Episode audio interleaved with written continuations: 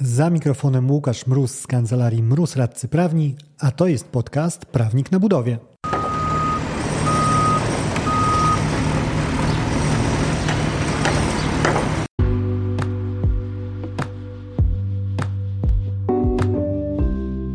Prawnik na budowie. Podcast o wszystkim, co związane z budownictwem. Uwaga, może zawierać śladowe ilości prawa.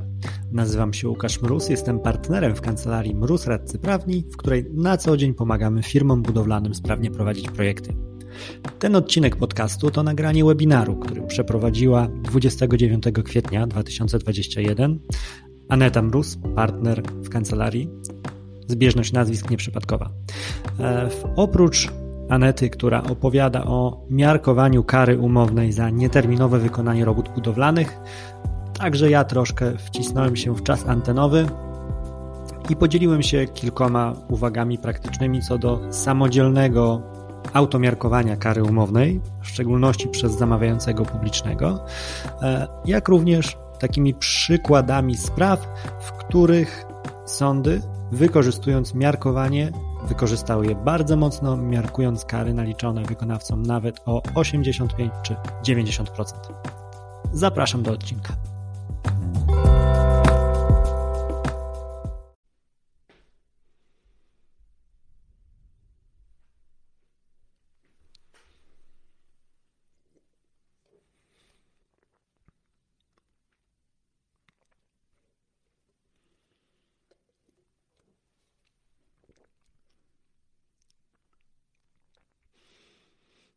Dzień dobry Facebooku. Widzę, że już powoli się łączymy, powoli się e, widzimy.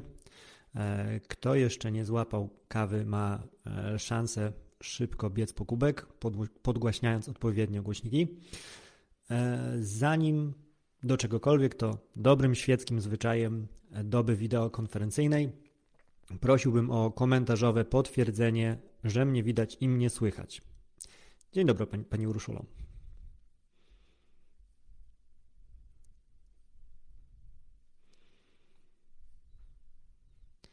Ok, wszystko zdaje się jest w porządku, e, więc możemy zaczynać, ale spokojnie, nie jestem z Wami tutaj na stałe, pełnię tylko e, rolę taką otwierającą, bo i debiut poważny mamy, więc otworzyć trzeba poważnie, tak jak na Oscarach chociażby i zgodnie z Oscarową tradycją jako prowadzący, po takim słowie wprowadzenia udam się w kierunku backstage'u, żeby pacyfikować dział cateringu.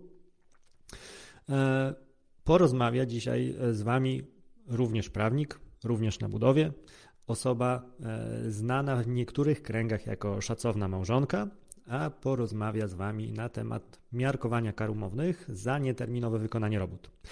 E, ja osobiście bardzo się cieszę, że ten event ma miejsce i to nie tylko dlatego, że zdołałem przekonać Anetę do kamery, nie tylko dlatego, że sama tematyka jest ważna, ale też dlatego, że wierzę głęboko że czego jak czego, ale e, kobiet w branży budowlanej e, na pewno nie jest zbyt wiele. E, dlatego sądzę, że z uwagi chociażby też na to, że wiele z, z osób, które obserwują ten fanpage, to kobiety właśnie, to dobrą opcją, dobrym kierunkiem jest, żeby kobiety rozmawiały z kobietami, a nie tylko faceci mieli głos. E, także jeżeli chodzi o głos, zaraz oddam go Anecie. Uwagi tylko takie czysto techniczne. E, tak jak przy dotychczasowych edycjach, odrębnej sesji QA nie planujemy. E, to, co realizujemy, to zbieramy pytania Wasze z komentarzy. Także w toku webinaru śmiało wrzucajcie wszystkie swoje wątpliwości, pytania, czy też sugestie albo własne doświadczenia Mm, w, w sekcji komentarzy. Później praktykujemy to także te ciekawsze, bo nie wszystkie są ciekawe. Wybieramy e, i omawiamy w formie pisemnej, czy to wideo. Leci to na, mm, na stronę, także zachęcam do zaglądania na, na profil, bo wyjaśnienia Waszych wątpliwości również się znajdą. Cóż, nie przedłużając dalej, powitajcie gorącymi brawami. Tak naprawdę nie musicie klaskać mecenas, radca prawny Aneta Mróz.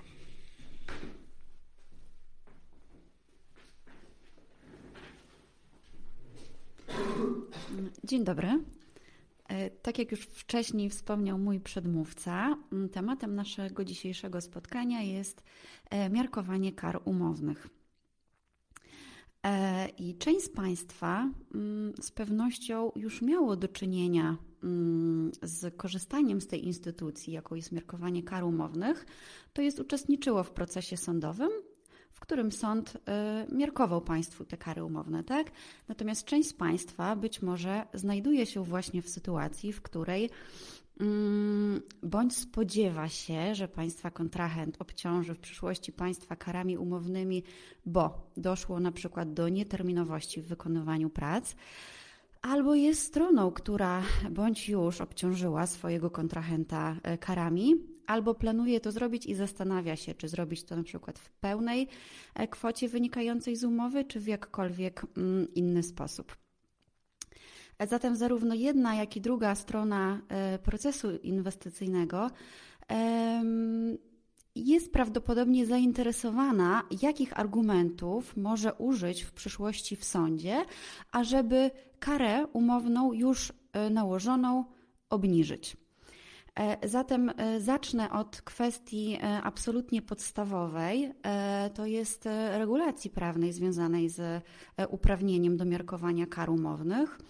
Otóż kwestię tę rozstrzyga kodeks cywilny, artykuł 484, paragraf 2 i ustawodawca wskazuje nam mm, takie dwie przesłanki uprawniające czy żądające stronę, która została obciążona karami do ich miarkowania.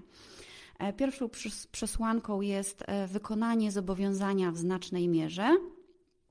Sobie e, później w większej części wskażemy przykłady, powiemy o co dokładnie chodzi przy tej przesłance. Inną przesłanką jest rażące wygórowanie. I e, są to takie mocno hasłowe stwierdzenia, oczywiście wymagające e, doprecyzowania. E, jeżeli chodzi o, najpierw tak bardzo ogólnie powiem, przy rażącym wygórowaniu, chodzi tutaj o pewne porównywanie rozmiarów czy wartości nałożonych czy zawartych w umowie kar umownych wysokości kary umownej, na przykład do wartości kontraktu. Na przykład, y, innym przykładem, wartość kary umownej do wartości niezrealizowanej części zamówienia albo do zrealizowanej części zamówienia, a w końcu wartości e, kary umownej do szkody, którą wierzyciel poniósł w związku z nienależytym bądź niewykonaniem zobowiązania przez e, kontrahenta. E, niemniej e, należy mieć na względzie, że niezależnie od tego, z której przesłanki w procesie chcemy skorzystać, na którą właściwie przesłankę chcemy się powołać, zawsze winniśmy to sądowi wskazać, czy to w formie wniosku, czy to w formie zarzutu. E, nie ma też dużego znaczenia, czy wniosek ten e, wskażemy w petitum, czy w treści e, pozwu. Niemniej sąd musi wiedzieć, że my z tej instytucji chcemy skorzystać, gdyż sąd z urzędu nie zmiarkuje nam kary umownej, nawet jeżeli będzie czuł i będzie wiedział, że ona jest mocno zawyżona. I, I sąd będzie znał podstawy do miarkowania, ale bez wniosku tego po prostu nie zrobi. E, też e, przygotowując się do tego e, wystąpienia, spotkałam się z takim ciekawym wyrokiem, o którym tutaj chciałam powiedzieć w kontekście tego zgłaszania mm, wniosku o miarkowanie kar umownych. Strony procesu sąd pierwszej instancji zasądził całą kwotę dochodzoną od powoda tytułem kar umownych za nieterminowe wykonanie od wyroku pierwszej instancji została złożona oczywiście mm, apelacja i w pierwszej instancji pozwany nie podnosił zarzutu miarkowania. E, zrobił to e, dopiero na etapie mm, drugiej instancji i jakby najciekawszym wątkiem w tej całej sytuacji jest to, że całą swoją apelację oparł na e, zarzutach zarówno obrazy prawa materialnego, jak i nieprawidłowości związanych z postępowaniem dowodowym a wniosek o miarkowanie wskazał z takiej ostrożności procesowej. Nie wiem, chyba nie spodziewał się, że może to zadziałać. Natomiast pomimo, że zrobił tak zupełnie na samym końcu i, i nie pochylił się mocno, jakby większą część apelacji przeznaczył jednak na wskazywania tych, tych naruszeń sądu pierwszej instancji, to wyrok Sąd drugiej instancji był zmieniający wyrok. E, co prawda, sąd nie przychylił się i nie uwzględnił w żadnej mierze tej części argumentacji, właśnie tej obszernej, natomiast e, wskazał, że zarzut, że wniosek o miarkowanie zasługuje na uwzględnienie i na tej podstawie zmienił wyrok. E, zatem w pełni ma tutaj zastosowanie zasada lepiej późno mm, niż wcale. E, natomiast wracając do e, wątku głównego, to jest do naszych przesłanek miarkowania kar umownych. W pierwszej kolejności skupię się na tej pierwszej przesłance, to jest wykonania zobowiązania w znacznej mierze. O ile e, samo sformułowanie przez ustawodawcę tej przesłanki no nie budzi e, zastrzeżeń, nie budzi wątpliwości, e, niemniej tutaj ta znaczna miara może być różnie interpretowana, różnie przez strony przede wszystkim mm, traktowana, dlatego warto posłużyć się przy, przykładami, które zostały już w sądzie rozstrzygnięte i zwróceniu uwagi na to, jak sądy widzą i jak interpretują tą znaczną miarę. Jednym z przykładów jest inwestycja drogowa. E, to była bodajże e, droga krajowa, mm, w której wykonawca był zobowiązany do E, do jej wykonania i wartość tego kontraktu opiewała na kwotę 8, tysięcy, 8 e, milionów 200 tysięcy. E, I w trakcie realizacji wykonawca napotykał na trudności ze strony zamawiającego, a to w postaci takiej, że nie zawsze był dostępny front robót. E, I jak to, jakby charakter tego samego zobowiązania, że jest to y, y, droga odcinkowa, e, to wykonawca ten zdołał wykonać swoje y, prace w trzech czwartych e, odcinków, natomiast nie wykonał jednej czwartej tak naprawdę całości kontraktu. E, od, dlaczego nie wykonał? Dlatego, że od umowy odstąpił właśnie po wykonaniu i po rozliczeniu tych trzech czwartych e, przedmiotu umowy. E, odstąpił od umowy właśnie z uwagi na to, że już frontu do robót właściwie w ogóle nie miał, nie miał jak tych robót wykonać. Odstąpił, naliczył karę umowną zamawiającemu za odstąpienie w wysokości 10% wartości kontraktu, tak jak to przewidywała umowa. E, zatem była to kwota 820 tysięcy i o taką kwotę e, wystąpił z pozwem do sądu. E, pozwany, to jest zamawiający, bronił się naturalnie, wnosił o miarkowanie tej kary i sąd tutaj stwierdził, że jest to przypadek, który jakby wypełnia w pełni te y, okoliczności pozwalające na zmiarkowanie kary na podstawie wykonania tej umowy w znacznej mierze. E, czym to sąd argumentował? Otóż tym, że jeżeli wykonawca wykonał umowę w częściach trzech czwartych, to brak jest podstawy, nie ma zasadności, aby obciążać zamawiającego karą umowną za cały kontrakt. Jakby e, skracając i upraszczając, powiedział, że wykonawca negatywne konsekwencje ponosi tylko w zakresie tej jednej czwartej części kontraktu. Zatem w ocenie sądu e, jedynie w zakresie tej jednej czwartej części kontraktu wykonawca powinien mm, obciążyć zamawiającego karą umowną. E, I na tej oto podstawie, poprzez spełnienia tych przesłanek, sąd e, zmiarkował, czyli zmniejszył karę umowną e, do z kwoty 820 tysięcy do kwoty bodajże 270 tysięcy, ale później jeszcze tą kwotę zmiarkował z uwagi na rażące wygórowanie, ale o tej przesłance będziemy mówili w, dalszym, w dalszej części mm, spotkania, także mm, później się na nią powołam. E, innym przykładem e, tego wykonania zobowiązania w znacznej części e, jest sytuacja wykonawcy, który realizował wykonanie i wstawienie okien stolarki okiennej.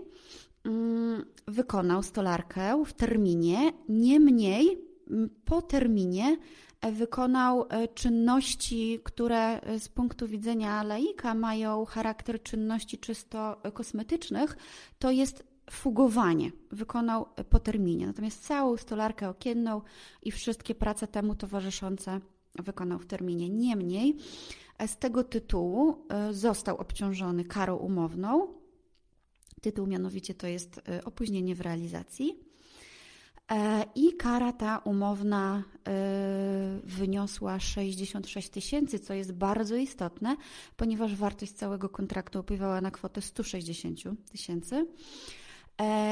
Niemniej, w sytuacji, kiedy mówimy o przesłance wykonania mm, umowy w znacznej mierze, sąd również uznał, że wstawienie okien, a jakby nie zrobienie wyłącznie fugowania jest wykonaniem umowy w znacznej mierze i zmiarkował na tej podstawie tę karę umowną o połowę.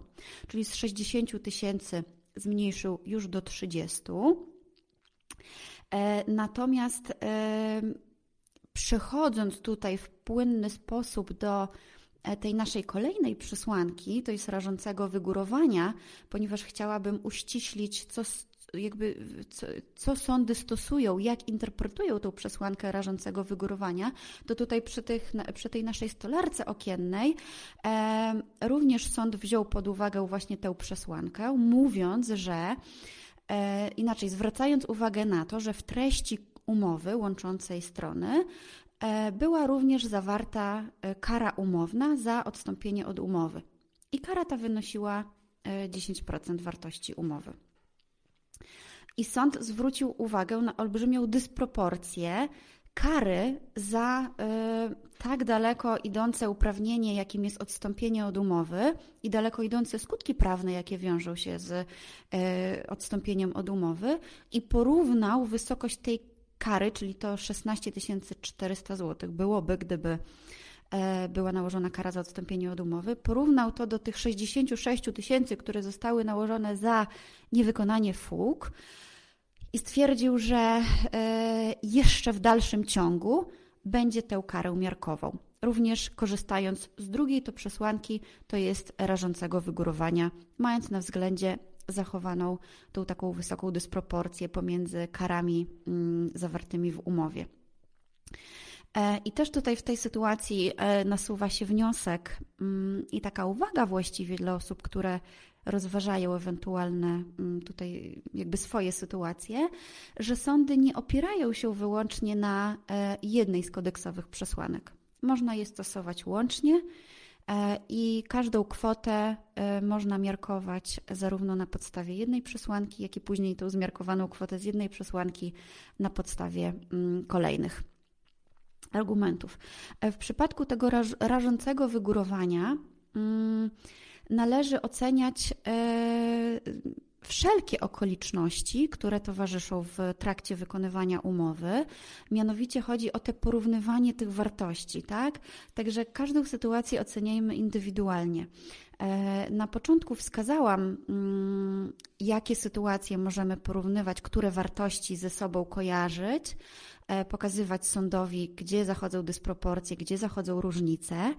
E, niemniej, y, mm, Dyspropo inną, innym przykładem, który chciałabym podać, yy, gdzie sąd wziął pod uwagę również taką dysproporcję, yy, jest yy, sytuacja, w której szpital zamówił u dostawcy dostawę artykułów medycznych. I te artykuły medyczne również zostały dostarczone mm, w większej mierze. To była jedna z podstawek do miarkowania.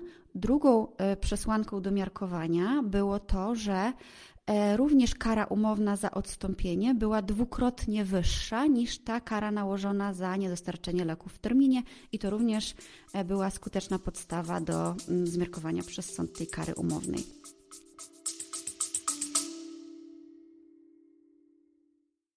Wracam na trasę szkoleniową. Z Akademią Kontraktów Budowlanych, czyli swoim autorskim szkoleniem, odwiedzę cztery miasta. 23 lutego Katowice, 13 marca Poznań, 19 kwietnia Warszawa i 10 maja Gdańsk.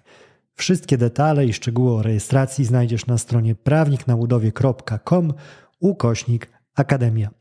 Raz jeszcze luty Katowice, marzec Poznań, kwiecień Warszawa, maj Gdańsk. Akademia Kontraktów Budowlanych, strona internetowa prawniknabudowie.com ukośnik Akademia. Do zobaczenia. E, chciałabym również e, zwrócić uwagę na mm, inicjatywę dowodową w procesie e, w przypadku korzystania z przesłanki rażącego wygórowania. I jako przykład chciałabym tutaj podać orzeczenie, które zapadło na kanwie wykonawstwa taboru kolejowego. I wykonawca mm, dopuścił się e, opóźnienia w wykonaniu naprawy tego taboru kolejowego, czyli mm, doszło do jakichś wystąpienia usterek i wad. E, I wykonawca wskazywał na to, że e, nie ponosi, broniąc się tak, że nie ponosi on winy w tym, że nie dokonał tej naprawy, ponieważ zamawiający nie uiścił mu wynagrodzenia za wcześniej wykonane e, prace.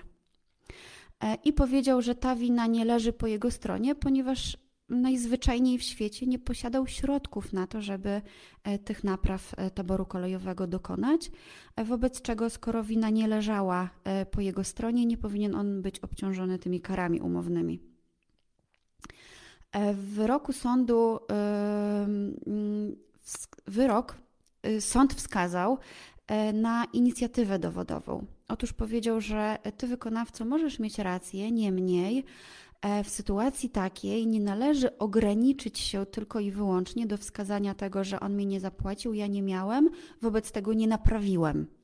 E, trzeba pamiętać, że wykonawca w tej sytuacji wywodzi mm, z niej skutki prawne i na podstawie artykułu 6 kodeksu cywilnego powinien w pełni uzasadnić E, brak swojej winy. E, I sąd tutaj nawet e, w treści orzeczenia wskazał na sytuację, którą wykonawca mógł w procesie zastosować, mianowicie mógł powiedzieć, że mógł wyliczyć nawet, że naprawa taboru kolejowego wynosiłaby kwotę X. W terminie, w którym był zobowiązany do naprawy, na koncie na przykład nie miał środków w tej wysokości, albo nie regulował swoich zobowiązań wobec innych kontrahentów, albo jakkolwiek w inny sposób. To już jakby mm, inwencja twórcza leży po stronie wykonawcy. Niemniej należy pamiętać, że to on jest e, tutaj obciążony e, tym, żeby w sposób e, obrazowy sądowi pokazać, że mm, wina ta nie leżała po jego stronie. E, wskazać należy przy miarkowaniu e, kar umownych e, na sytuacje, które mają miejsce w trakcie procesu mm, budowlanego. Mianowicie chodzi o sytuacje, że kary umowne niejednokrotnie są dobrowolnie płacone przez strony.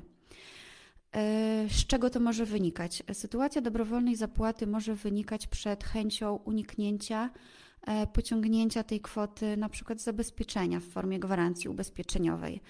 E, I wykonawca, obawiając się dalej idących negatywnych konsekwencji, jak jest na przykład wykluczenie z przetargu, jest e, po prostu zmuszony okolicznościami do dobrowolnej zapłaty kary umownej. I co w takim przypadku? Czy w tym przypadku możemy tą karę miarkować jak gdyby wstecz? E, otóż jeden z sądów wypowiedział się w ten sposób, że jeżeli która, którykolwiek z, z, stron procesu inwestycyjnego e, dobrowolnie uiści zapłaty za e, kary umownej, to powoduje to brak możliwości miarkowania. Z czego to wynika? Ponieważ spełnienie świadczenia przez stronę zobowiązaną powoduje po prostu jej wygaśnięcie. E, natomiast e, instytucja miarkowania kary umownej to jest instytucja przysługująca jedynie sądowi i wyrok, w którym sąd miarkuje tą karę umowną, ma charakter konstytutywny, czyli w momencie wydania wyroku e, mamy ukształtowanie pewnego stosunku e, prawnego i wobec tego nie da się go ukształtować e, wobec zobowiązania, które już nie istnieje, które wygasło w, mm, wskutek dokonania dobrowolnej zapłaty. E, niemniej i, i z takich sytuacji, e, i w takich sytuacjach znalazło się wyjście, ponieważ e, sąd opowiedział się ze stanowiskiem, że jeżeli strona uiściła dobrowolnie taką karę umowną, ale zastrzegła, że w przyszłości będzie dochodziła jej zwrotu, to sytuacja taka już pozwala na zmiarkowanie takiej kary umownej jak gdyby wstecz. E, I sytuacja, o której mówię, na podstawie wyroku już, y, który zapadł, zakończyła się w sposób bardzo pozytywnie. Mm, tutaj akurat dla wykonawcy, który w, dobro, w sposób dobrowolny uiścił tą karę umowną. Niemniej sąd nie dość, że zmiarkował, tą, w ogóle dopuścił możliwość miarkowania tej kary wobec zastrzeżenia tego zwrotu E, to jeszcze zmiarkował tą karę umowną z 60 tysięcy aż do 13. Co wziął pod uwagę? E, otóż mam na myśli tutaj tą sytuację o dostarczaniu e, tych produktów medycznych. W pierwszej i, i połączył tutaj dwie przesłanki, o których mówiłam do tej pory. W pierwszej kolejności mm, zmiarkował z uwagi na znaczne E, wykonanie zobowiązania, a mianowicie wykonawca, e, dostawca e, dostarczył wszystkie dostawy oprócz jednej ostatniej. Zatem sąd uznał, że zobowiązanie zostało wykonane w znacznej mierze, a w dalszym ciągu zwrócił uwagę na rażącą dysproporcję dwóch kwestii. Po pierwsze, wartości kontraktu do wartości naliczonej kary umownej, a przypomnę, że wartość kontraktu opiewało na 164 tysiące, wartość naliczonej kary umownej to 60 tysięcy, czyli już tutaj była pierwsza podstawa do zmiarkowania, a drugą podstawą miarkowania była taka e, rażąca dysproporcja mm, właśnie e, przewidzianej kary umownej za odstąpienie um, od umowy do kary umownej naliczonej za opóźnienie w tylko częściowej mm, realizacji zamówienia. W tej sprawie e, ciekawą jeszcze przysłanką, e, na którą sąd się powołał, e, jest godna ochrona interesu wierzyciela. Mianowicie, co prawda, wyrok ten był reformatoryjny i pierwsza instancja e, wskazała, że interes e, tutaj akurat zamawiający był szpital i interes powoda był naruszony, dlatego że jako szpital musi zapewnić określoną liczbę leków mm, wszystkim pacjentom. E, natomiast druga instancja tę samą przesłankę wykazała, że wręcz przeciwnie interes e, szpitala nie został naruszony, ponieważ znaczna część leków została e, dostarczona i znaczna część pacjentów lek otrzymała. Zatem należy mieć na względzie, że przy miarkowaniu kar umownych należy brać pod uwagę wszystkie okoliczności faktyczne, które wystąpią w danej sprawie i należy ocenić wszystkie okoliczności faktyczne a na pewno y, należy pamiętać o tym, żeby y, złożyć wniosek o to miarkowanie i wszystkie okoliczności, które mogą mieć wpływ na miarkowanie, y, w pierwszym piśmie procesowym wykazać. Ja dziękuję Państwu bardzo za obecność, za wysłuchanie i oddaję głos szacownemu mężowi.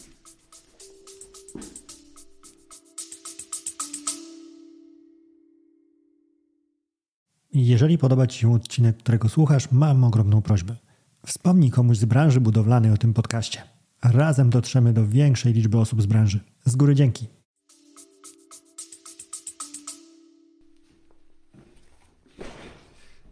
Dzięki. E, możemy się chyba zgodzić, że pożyczając od Ciebie zwrot, moja szanowna przedmówczyni e, zrobiła dobrą robotę. E, mamy jeszcze trochę czasu, albo nawet możemy mieć więcej czasu. decyzja wasza, bo ja właściwie jeszcze zanim będę musiał e, wsiąść w jakąś bardziej asapową pracę, mogę poświęcić jeszcze też chwil kilka, e, żeby porozmawiać e, z Wami o karach, jeżeli tylko macie ochotę, także komentarzowo dajcie znać, czy kończymy na dziś nie wpycham się w czas antenowy Anety, czy jako, że jesteśmy już odpaleni i rozmawiamy o karach, to porozmawiamy chwilkę jeszcze.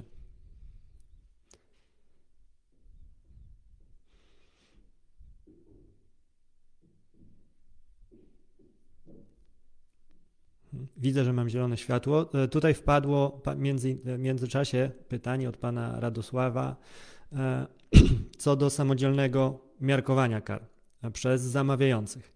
E, I to jest bardzo ciekawy wątek, panie Radosławie, bo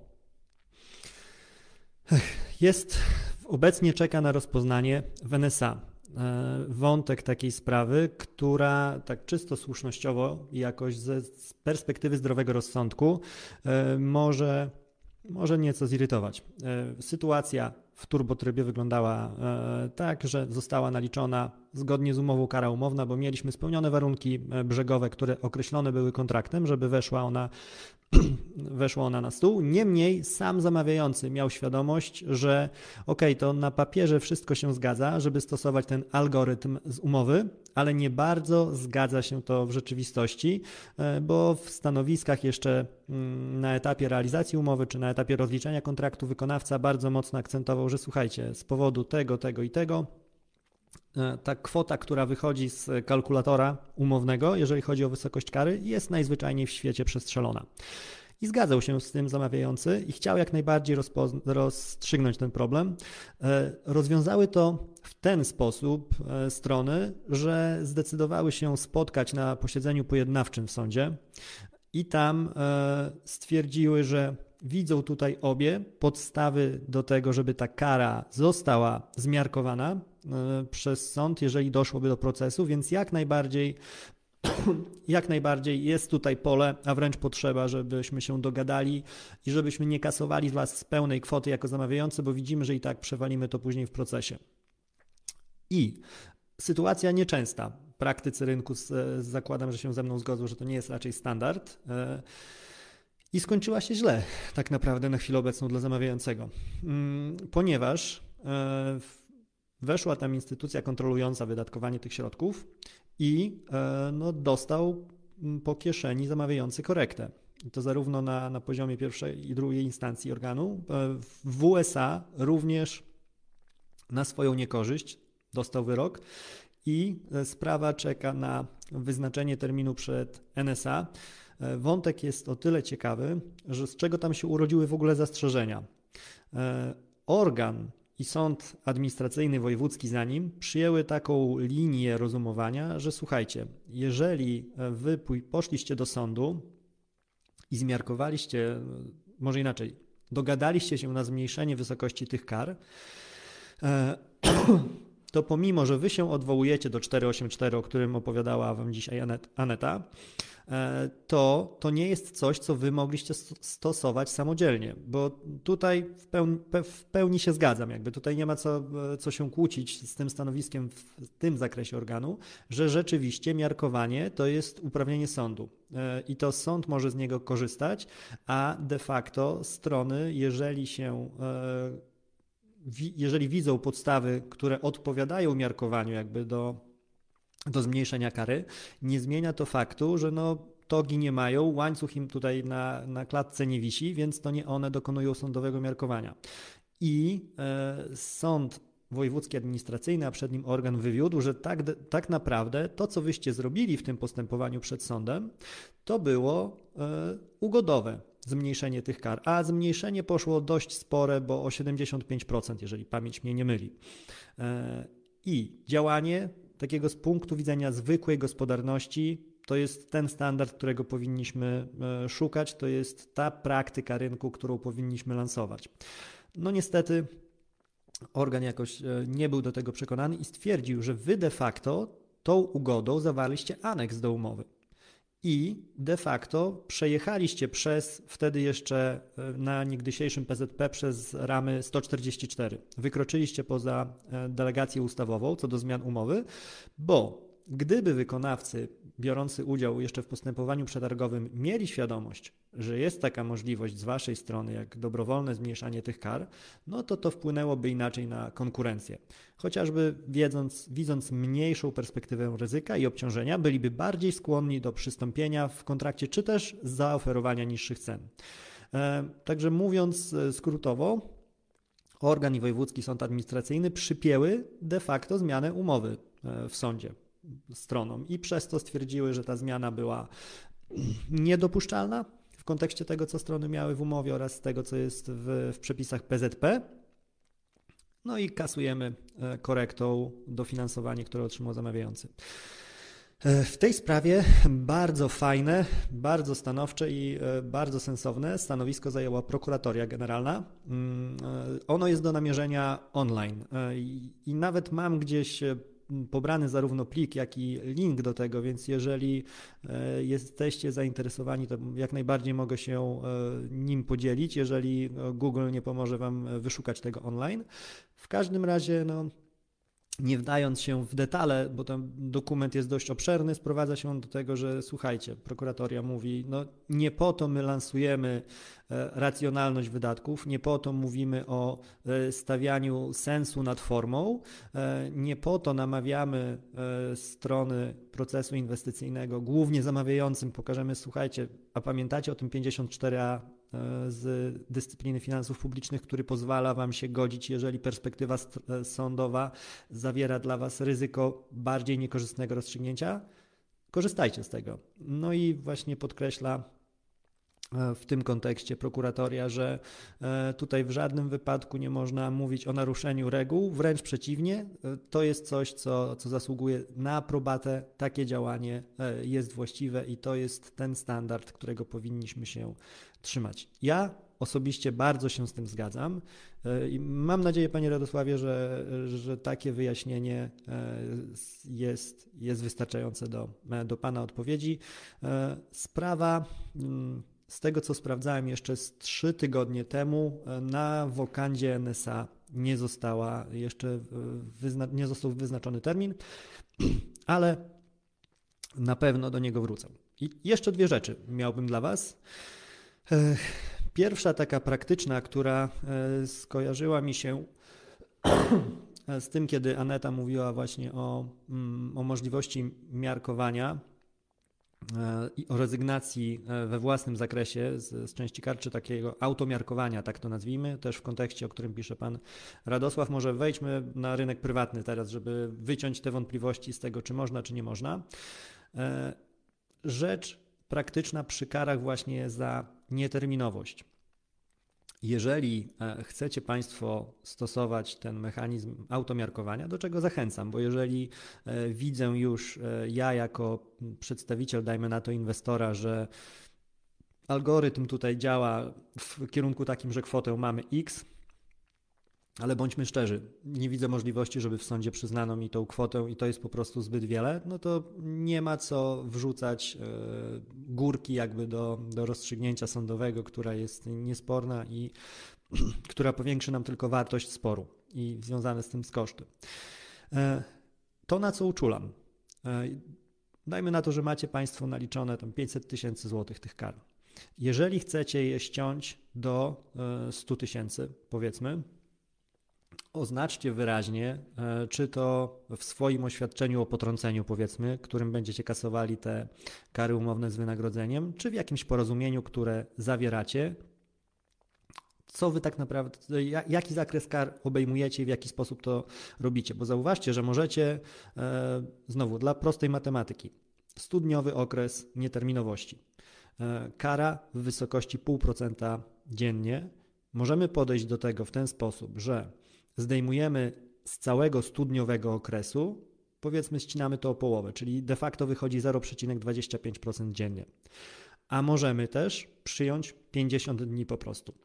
I w kontekście szczególnie oświadczeń o potrąceniu, w przypadku takiego kompensowania kar, ma to e, bardzo duże znaczenie, jeżeli wejdziemy właśnie w spór sądowy i zaczniemy kłócić się co do tego, czy to potrącenie było skuteczne, czy nie, bo z perspektywy strony, która dokonała potrącenia, może się okazać, że jeżeli ja pójdę w, ten, w kierunek tego wariantu 50 dni i powiedzmy, że ograniczam się do pierwszych 50 dni i za to, za to naliczam kary, za to przedstawiam je do potrącenia. A w trakcie procesu sąd mi wytknie, że słuchajcie, panie inwestorze, ale na starcie tam było 25 dni wyłapane przeze mnie, gdzie ty nieterminowo e, przekazałeś teren budowy. Spieraliście się do tego, czy skutecznie, czy nieskutecznie. Ja dochodzę do wniosku, że nieskutecznie. Także de facto Twoja przedstawiona do potrącenia wierzytelność była jedynie w połowie, bo skoro naliczyłeś za pierwsze 50 dni, co wskazałeś, w związku z tym 25 e, dni w ogóle nie trafiłeś i gdybyś zrobił tak, mamy tak, 50 dni, pierwsze 25 to jest przekazanie nieterminowe, więc to odpada. E, gdybyś to przesunął po prostu i te 50 dni to by było od dnia 26 do 75, ok, chwyciłoby, ale tak nie zrobiłeś, więc z tej kwoty, którą 100 tysięcy powiedzmy, czy 500 tysięcy przedstawiłeś do potrącenia, to zmniejszając to sobie do 100, no to de facto nie doszacowałeś, więc niepełna ta kwota, o którą występujesz, którą przedstawiłeś do potrącenia, chwyciła.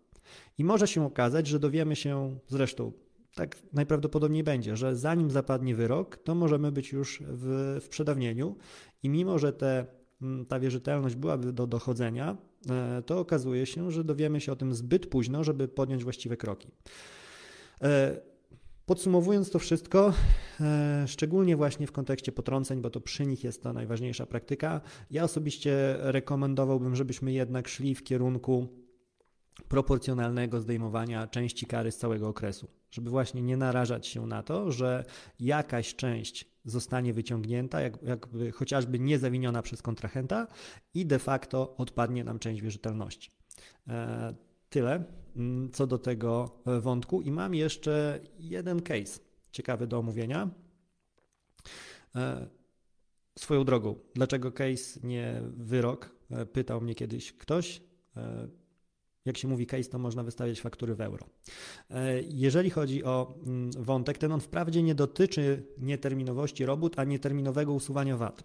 E, ale na jego kanwie taki szerszy wątek chciałem poruszyć, mianowicie e, czy sądy dostatecznie korzystają z miarkowania? I pytanie do Was. Powiedzcie mi, drodzy, w komentarzach, czy e, w waszej, e, w waszej praktyce, w waszych ocenach sądy dostatecznie, dość szeroko korzystają z zmiarkowania, czy też są może zbyt powściągliwe? Zanim e, powiem, to ja skorzystam z tej, z tej chwili, żeby przewinąć czat i zobaczyć, czy coś tu ciekawego wpadło, co na szybko moglibyśmy, e, moglibyśmy poruszyć.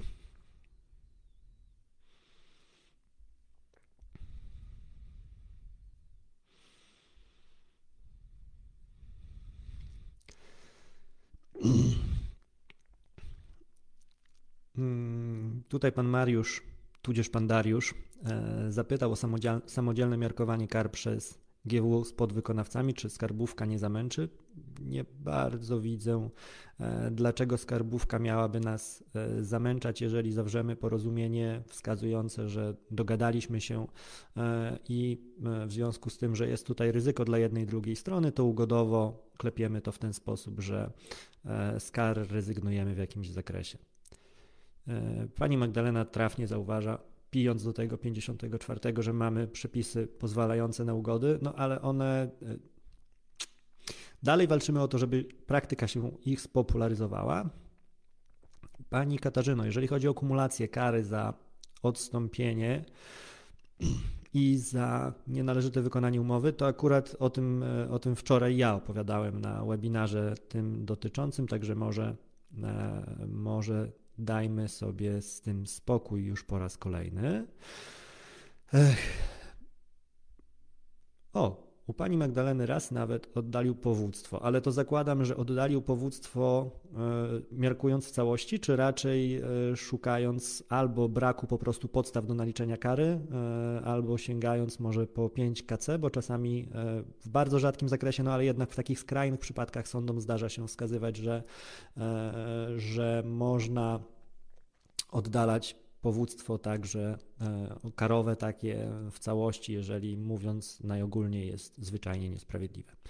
Moja, moja refleksja jest taka, że, e, że nie korzystają dostatecznie, czy może inaczej, mogłyby korzystać szerzej.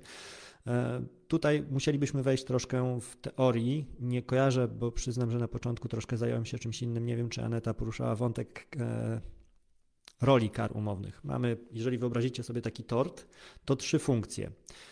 E, odszkodowawczą, wel kompensacyjną, represyjną i stymulującą. Ta ostatnia z tych trzech może brzmieć jeszcze jakoś przyjemnie, ale to nic bardziej mylnego, to, to nie jest przyjemny sposób stymulacji, przynajmniej dla większości. I e, kwestia sprowadza się do tego, że sądy bardzo mocno podkreślają, e, że nie tylko chodzi o karę jako odszkodowanie, ale też dodatkowe dwie te funkcje, czyli z jednej strony ma skłaniać wykonawcę, jeżeli obracamy się w teorii, w realiach terminowego wykonania robót do właściwej terminowej realizacji robót, a z drugiej strony represyjna, czyli to jest taki bat, który jest do użycia i musi być ta świadomość, że naruszenie warunków zaboli, bo bez tego kara zbliżałaby się za bardzo do zwykłego odszkodowania. E, przez to właśnie mówię o tym torcie, takim podzielonym na trzy, bo gdyby go tak sobie wyobrazić i każdej z tych funkcji mielibyśmy przypisać jakąś wartość, to ja osobiście nadal z dominującą wartością e, widziałbym e, w tej funkcji odszkodowawczej. Nie mam wręcz nic przeciwko, żebyśmy wrzucili ją na jakieś 80 czy nawet 85%, a pozostała część tortu tortu to są ta kara, ta funkcja stymulująca i kompensacyjna, a, a sądy e, bardziej, bardziej wstrzemięźliwie podchodzą do tego miarkowania. E, trzy lata temu już chyba przygotowywaliśmy w kancelarii dla Gazety Prawnej takie zestawienie kar, wyroków dotyczących kar umownych i tam jedną z, z robót, które zrobiliśmy, było odpowiedź na pytanie, które regularnie otrzymujemy od klientów. A, przepraszam, zagalopowałem się, zapomniałem, że jesteśmy w realiach facebookowych, więc raz jeszcze. Kochani, wielu z Was pyta mnie, ile sąd może zmiarkować? Otóż, i teraz już kontynuując wywód, e, wyszło nam na próbie kilkudziesięciu takich e, wybranych wyroków bez żadnego klucza, powiedzmy tak przypadkowo. Pierwsza instancja była bardziej hojna. sądy okręgowe, bo braliśmy takie wyroki, powiedzmy o wyższe kwoty, e, sądy okręgowe przyjmowały tam bodaj 62-63%, apelacyjne natomiast lubowały się bardzo w 50%. Co by się nie działo, to sprawiedliwościowo, jak Salomon ciach, 50%, tyle się należy, połowa zmiarkujmy, tyle do zapłaty, reszta ewentualnie do zwrotu. E, I te 50% w moim prywatnym odczuciu to nadal bardzo często jest zbyt wiele. Ale zdarzają się też e, wyroki, w których wchodzimy naprawdę w wysokie procenty, czy 90, czy 85. E, kilka mm, takich nawet e, ostatnio widziałem taki bardzo ciekawy wyrok, który skończył się miarkowaniem o 85%. Jeżeli czas pozwoli, to o nim też chwilkę opowiem, bo nie o tym chciałem zacząć. Bardzo fajnie, Panie Radosławie, Pan mi dzisiaj takie piłki miękkie do uderzenia rzuca, e, że aż, aż jakbyśmy mieli to ustawione, ponieważ Pan Radosław pyta, czy ktoś z Państwa spotkał się z miarkowaniem kar umownych przez sąd z tytułu nieusunięcia ustarek w terminie. W mojej praktyce się z tym nie spotkałem. I tu, Panie Radosławie, wchodzi na salę na białym koniu Sąd Apelacyjny w Białymstoku. I sąd okręgowy zresztą również, które jeden i drugi w takim przypadku zrobiły miarkowanie o 90%. Tylko zanim ktoś się rozpędzi i z hura optymizmem odkopie te noty obciążeniowe, które dostał w ostatnich tam latach i stwierdzi, że dobra, to pchamy to w sąd, e, zakreślmy pewne ramy tego sporu, e, ponieważ e, one wyznaczają, dlaczego doszło do aż tak szerokiego miarkowania. Inwestycja o renowację osady Rzet Nie, to nie jest zamówienie średniowieczne, tak po prostu sobie e, nazwano, że zamawiający miał tam e, jeden z, e, z kwestii, z takich agroturystycznie szeroko tak to nazwijmy, czyli jakaś tam stara osada odtworzona i tak dalej, i tak dalej, można sobie to zwiedzać, trzeba było to renowować. I renowowane było. Renowowane było za 209 tysięcy, jeżeli chodzi o wynagrodzenie. Pojawiła się kara w wysokości łącznej 215 tysięcy. I to była kara za nieterminowe usuwanie VAT właśnie w okresie rękojmi i gwarancji. E, kara była naliczona, e, umownie była określona na poziomie 1% dziennie. Dużo. E, szczególnie jeżeli chodzi o karę gwarancyjną, tak ją nazwijmy, czyli ta kara za, za okres rękojmi i gwarancji. 74 dni złapał mm, opóźnienia e, wykonawca, ponieważ no, doszło do odbioru tego obiektu nawet e, bez zastrzeżeń w terminie. Tam nie było problemu, chociaż była też kara za nieterminową realizację, ale ona nie została odpalona. E, w trakcie już okresu gwarancyjnego zaczęły wychodzić problemy. Zgłaszane kilkukrotnie, co do części zgodził się wykonawca, że rzeczywiście powinienem to naprawić, co do części no już miał inne stanowisko co do tego, czy powinien, czy nie. I strony się spierały co do samej zasadności w ogóle napraw, bo wykonawca twierdził, że mm, on naprawiał część, godząc się, a w pozostałej części mówił, że słuchajcie, to nie są w ogóle wady, tylko kwestia waszej złej eksploatacji albo jakichś e, błędów konstrukcyjnych budynku i tak dalej, i tak dalej. E, suma summarum, kiedy wszedł w spór biegły, stwierdził, że no okej, okay, częściowo wykonawca rację ma, ale częściowo nie ma. Tam niektóre rzeczy, które kwestionował jako jego wady, rzeczywiście tymi wadami były i powinien był to naprawić.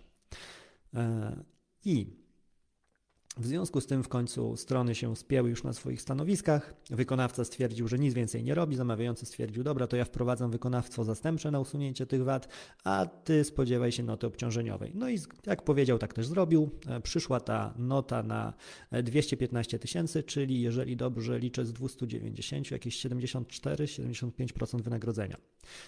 E, I zamawiający pozwał o tą kwotę wykonawcę w pierwszej instancji e, jakby wygrał co do zasady, przegrał co do pieniędzy, bo sąd okręgowy zmiarkował to aż o 90%.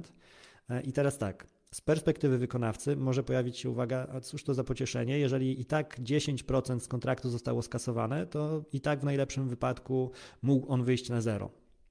Zgadza się, ale e, realia pracy i biznesu każdego, czy to prawniczego, czy to budowlanego, czy prowadzenia pizzerii. Nie na każdej transakcji się e, zarabia, więc tutaj była kwestia minimalizacji, minimalizacji strat i ryzyk.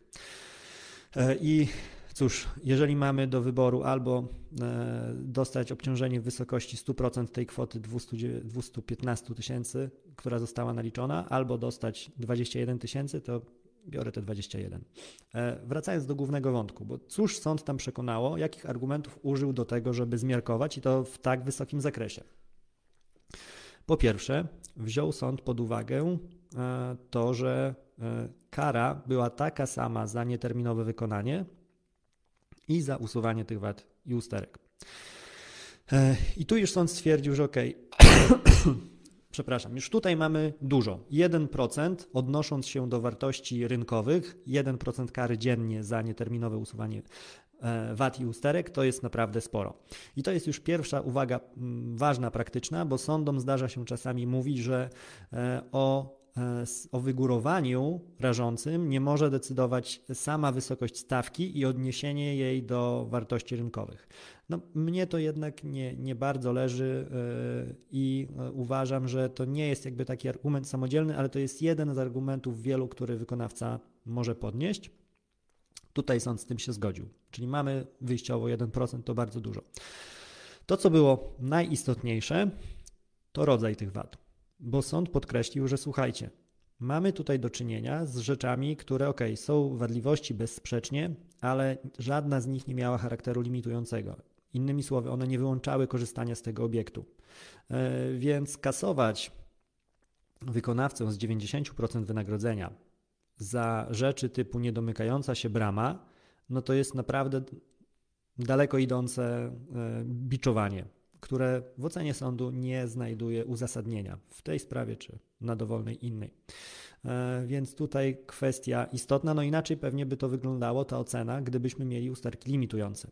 I rzeczywiście było tak, że chociażby osada nie może być otwarta, ponieważ z uwagi na niewłaściwe wykonanie robót, biedne kozy, które tam chodzą, mają zagrożone swoje życie i poroże. E, rzecz kolejna, e, sąd podkreślił cel tej kary, która jest ustanowiona, że każda kara no nie jest zastrzegana sobie od tak, bo mam trochę polotu i trochę miejsca na papierze, więc wpiszę karę umowną, ale ona być powinna pomyślana jako pewne narzędzie ochrony interesu. I tutaj tym interesem sąd wskazywał właśnie, jeżeli chodzi o kary za usuwanie wad, to jest możliwość korzystania z obiektu.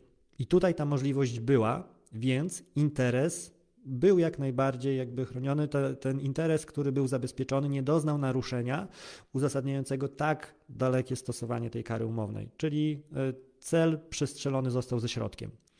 I inna rzecz, e, też bardzo praktyczna i bardzo e, fajny, fajny argument do, do podobnych sporów, jeżeli chodzi o samą, e, jakby, bo zamawiający podnosi, no mam trudne do wyceny szkody wynikające z, te, z, tej, e, z tej sytuacji, z tej wadliwości, e, między innymi właśnie naprawienie szkody wynikające z tego, że, że nie zostało to naprawione, a trzeba było naprawić. No ale tutaj wytknął mu sąd, trafnie zresztą, że słuchaj, drogi zamawiający, ale ty sobie przecież wpisałeś w umowie mechanizm wykonawstwa zastępczego usuwania wad, z czego zresztą skorzystałeś. E, więc jeżeli tutaj odpaliłeś te narzędzie i w jego ramach tak naprawdę sobie skompensowałeś te koszty naprawy, no to czemu ty chcesz jeszcze dodatkowo, czym uzasadniasz tym, że jeszcze dodatkowo będziesz kasował jakby górkę 1% dziennie? E, I padły dwa takie zdania, bardzo fajne, które sobie zaznaczyłem i aż pozwolę sobie na mm, nawet trzy zdania na, na zacytowanie sądu. Cóż sąd powiedział? Z tego też względu w orzecznictwie sądowym jako okoliczności uzasadniającej miarkowanie kary umownej nie wyklucza się także relacji między wysokością zastrzeżonej kary umowną a wysokością wynagrodzenia należnego stronie zobowiązanej do zapłaty kary umownej. Rzecz, o której mówiła już Aneta. Ale jak rozwija to sąd dodatkowo, co z tego wywodzi? Trzeba bowiem pamiętać, że praca wykonana, jeśli nie była świadczeniem pod tytułem nieodpłatnym, wymaga wynagrodzenia.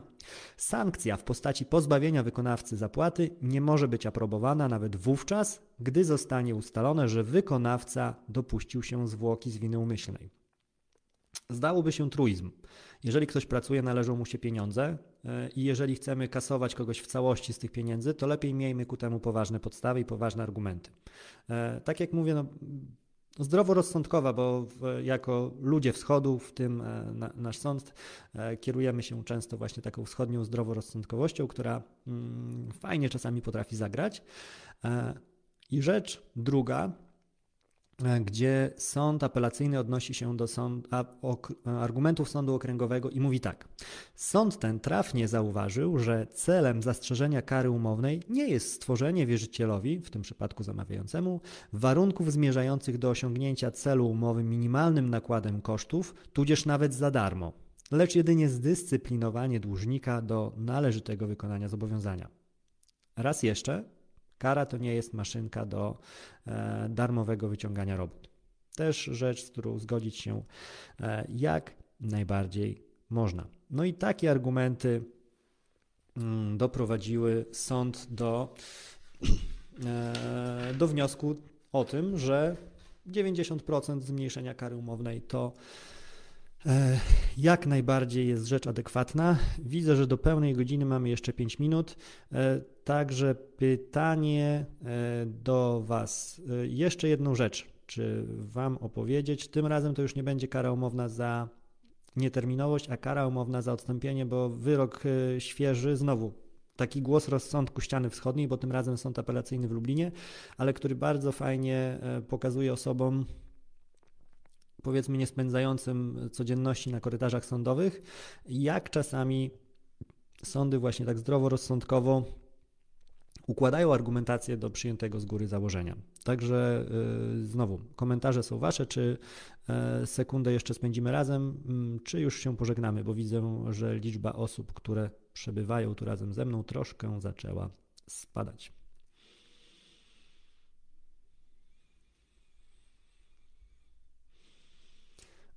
Pan Piotr pyta o sytuację naliczenia kary za nieterminowe usunięcie wad. E, w przypadku, kiedy wada nie była spowodowana złym wykonaniem robót podwykonawcy, tylko innej firmy, która później prowadziła pracę na obiekcie, no to tu już wchodzimy tak naprawdę w ogóle w obronę przed zasadnością obciążenia e, karami i wyciąganie się z tego, że tak na dobrą sprawę nie mówimy tutaj w ogóle o wadliwości, tylko o e, inter, in, ingerencji zewnętrznej, a skoro nie ma tutaj wady, no to gdzie kara za jej nieterminowe usunięcie? Kwestia E, kwestia tutaj leżąca po stronie e, tak naprawdę podwykonawcy udowodnienia tego, e, że, że nie jest to w ogóle kwestia jego wady, no jego ciężar dowodu, sprostania, żeby wykazać, że to inny podwykonawca, dajmy na to, wsadził ręce w nasze roboty i dlatego jest jak jest. Dzięki również Panie Radosławie. Ok, ten wątek już może nie będę omawiał go tak szeroko, bo tam chciałem wychwycić jeden tylko element podwykonawca i generalny wykonawca. Tutaj spór na tej linii. Mm, podwykonawca e, od robót elektrycznych, jakieś tam instalacja niskiego napięcia e, w obiekcie, e, miał jak po grudzie. I to nie, była, nie, nie był winny jakby tej sytuacji, no ale swoje troszkę miał na uszami, no bo jak wiemy, na placu budowy, jak w więzieniu, kogo nie zapytasz, on akurat jest niewinny, ale nie do końca zawsze tak bywa. E, w każdym razie, skracając sytuację do maksa, w pewnym momencie już jak e, podwykonawca widział, że nie zmierza to w dobrym kierunku, e, sięgnął po furtkę odstąpieniową z gwarancji zapłaty wynagrodzenia. No, przepraszam. Zreflektował się, że jego interesy są uzasadnione, uzasadnienie zagrożone, w związku z tym jak najbardziej celowe i pożądane było wystąpienie o gwarancję bankową tudzież ubezpieczeniową albo jeden z innych dwóch środków zabezpieczających zapłatę jego wynagrodzenia, a pech chciał, że niestety nie uzyskał tej gwarancji w terminie, co zmusiło go do odstąpienia od umowy. W przypadku mm, tego sporu właśnie poszło odstąpienie i w związku z tym odstąpieniem podwykonawca domagał się również e, zapłaty kary umownej 20% wartości kontraktu od generalnego wykonawcy. I e, sąd tam poszedł też bardzo z szerokim miarkowaniem za E, aż na 85%. Ale ciekawy jest w ogóle mechanizm, jaki do tego doprowadził, bo generalnie w takich procesach sądy ważą, mają tutaj powiedzmy te szalki wagi i dokładają kamyczki po kolei, które e, tutaj stosunek kary do wynagrodzenia, zakres wykonania zobowiązania, wszystkie te argumenty, które podawała Aneta, no i tą sumę później właśnie sprowadzają do konkretnego procentu, o jaki powinien zostać, o jaki kara umowna powinna zostać obniżona. Tutaj natomiast sytuacja tak naprawdę e, wyglądała troszkę inaczej, bo de facto no było te 85% obniżenia, ale to było, e, mówiąc tak realistycznie, procent dostosowany do z góry przyjętego założenia. Ponieważ te 80, e, 15% bo ty, wynagrodzenia, bo tyle de facto dostał kary umownej dostał, tyle kary umownej dostał ostatecznie podwykonawca, to było 36 tysięcy złotych z groszami. A było to 36 tysięcy złotych z groszami, bo de facto roboty o takiej wartości przerobił podwykonawca do czasu odstąpienia. Także tutaj e, jakby ewidentnie zagrało to, że sąd doszedł do wniosku, że dobra, słuchajcie, macie dostać tą karę, to hmm, jakby to zrobić, bo ok, mieliście podstawy do odstąpienia zgodnie z przepisami, ale widzę, że to jest jeden z tych przypadków skoku spadochronowego z gwarancją zapłaty wynagrodzenia wykonawcy czy podwykonawcy, więc było zagrane to na zerwanie kontraktu, a że chwyciło, no to kudos dla ciebie. Ale w związku z tym, że ty przerobiłeś te 36 tysięcy, tyle dostałeś wynagrodzenia, zresztą zasądzono ci je nakazem, to sądzę, że dołożenie ci drugiej, drugie tyle drugiej takiej kwoty e, będzie po prostu uczciwe. I tutaj bije właśnie te, e, dobrze widać, e, takie dobranie argumentacji do z góry przyjętego założenia, że skoro 36 było przerobione, to drugie 36 dorobimy karą. I kilka argumentów już kończąc, fajnych, które padły w tym wyroku, ciekawych do wyciągnięcia na kanwę innych spraw. Sąd w ogóle zrobił taką fajną symulację, to można nazwać, bo stwierdził tak, do czasu odstąpienia zrobiłeś, drogi podwykonawco, 3% przerobu. Jednocześnie ten czas do momentu odstąpienia to było bodajże 64 chyba czasu, procent czasu realizacji całego zadania ogólnego przewidzianego w umowie. Czyli e, zostało ci tam 36 bodaj procent na realizację 97% pozostałej części umowy. I w tym kontekście sąd stwierdził, że ja wcale nie jestem przekonany, że ty jakkolwiek zamierzałeś to skończyć. I tu już stwierdził, no to, to był taki ważny argument, szeroko rozpisany co do e, odstąpienia. E, I inna jeszcze ciekawa rzecz, proceduralna, jeżeli chodzi o obronę generalnego wykonawcy tutaj, ponieważ e, mówiliśmy dużo o mm, o zestawieniu kary chociażby z wysokością wynagrodzenia, może nie my, a Aneta, a tutaj sąd, czy może generalny wykonawca chciał biegłego, który stwierdziłby, jaka była marża podwykonawcy, bo widział żeby, to, żeby pójść e, w kierunku takim, że ok, to ustalmy, jaką de facto, jaki de facto zarobek miał mieć podwykonawca na tym kontrakcie i do tego odnieśmy te, tą karę, te 20% wynagrodzenia jego, którym chcemy nie obciążyć. I tutaj naturalnym jest przewidywanie, że jego marża zakładana byłaby niższa niż te 20%, no bo operowanie na 20% marżowości no to jest całkiem niezły wynik. E, także to jest taki ciekawy niuans, bo zazwyczaj mówimy właśnie o ujęciu e, kontekstu wynagrodzenia strony obciążającej, obciążonej karami, czyli wy, wykonawcy i ile wynosi kara w relacji do wynagrodzenia, a tutaj z kolei generalny wykonawca zmierzał de facto do wykazania, e, jaka jest marża, jaki był zakładany zysk podwykonawcy z, z kontraktu i jak się ma do niego kara, żeby pokazać, że gość sobie skasuje na tej karze więcej niż miał zarobić. Ciach. Mamy to. E, dzięki za udział. Anecie e, dziękuję bardzo za, za poprowadzenie i przełamanie tych e, pierwszych lodów. Ja, tak jak mówię, jestem jak najbardziej e, pod wrażeniem. Z tego, co czytałem w komentarzach od, od Państwa, tu też widzę pozytywny feedback, więc można, jeżeli ktoś czuje potrzebę solidaryzacji albo ma taką wolę, pogłaskać jeszcze Anetę w komentarzu. I skoro już pierwszy ten moment został przełamany, Sądzę, że będą kolejne. E, kwestie organizacyjne dla przypomnienia, jeżeli ktoś nie jest z nami od początku. E, wideo, bo to często pojawia się pytanie, czy będzie do obejrzenia później. Powiedzmy, że zostanie do końca dnia. E, dzisiaj jeszcze będzie wisiało i z końcem dnia usuwam to nagranie. Jeżeli live, to live. Nawet troszkę go rozciągnijmy, ale nie, nie, nie róbmy z tego z, z jakiejś stałej pozycji wideo. Zaglądajcie na fanpage, tam znajdą się odpowiedzi na te pytania, których e, nie poruszyłem, albo nawet te, które poruszyłem, żeby były w jakimś tam jednym miejscu do, do zapoznania się, do e, znalezienia. E, kontakt z Anetą, chociażby przez LinkedIn Aneta Mróz, e, kontakt ze mną, LinkedIn Łukasz Mróz, tutaj jako przez fanpage na Prawnik na Budowie. E, na Instagramie też jako prawnik e, na budowie jestem e, i z rzeczy, do których zapoznać, zapraszać Was bardzo bym chciał, jest podcast, któremu wczoraj stuknęło 10 tysięcy wysłuchań. Dzięki wielkie, jesteście super. I, a tylko z 9 tysięcy są moje, także tysiąc osób się znalazło, które to otworzyło. A ponieważ właśnie jestem już wyposażony w sprzęt mikrofonowy, to bardziej idę w tym kierunku i codziennie nawet rzutki jakieś krótkie e, wrzucam. Cóż, tyle z mojej strony chyba. E, udanego dnia.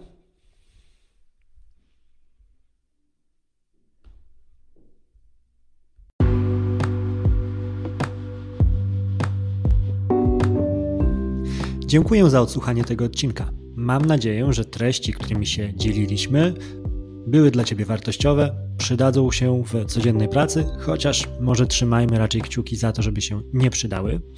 W każdym razie, jeżeli chciałbyś z nami się skontaktować, znajdziesz nas chociażby na LinkedIn, mnie jako Łukasz Mróz, Anetę jako, tak, jako Aneta Mróz właśnie.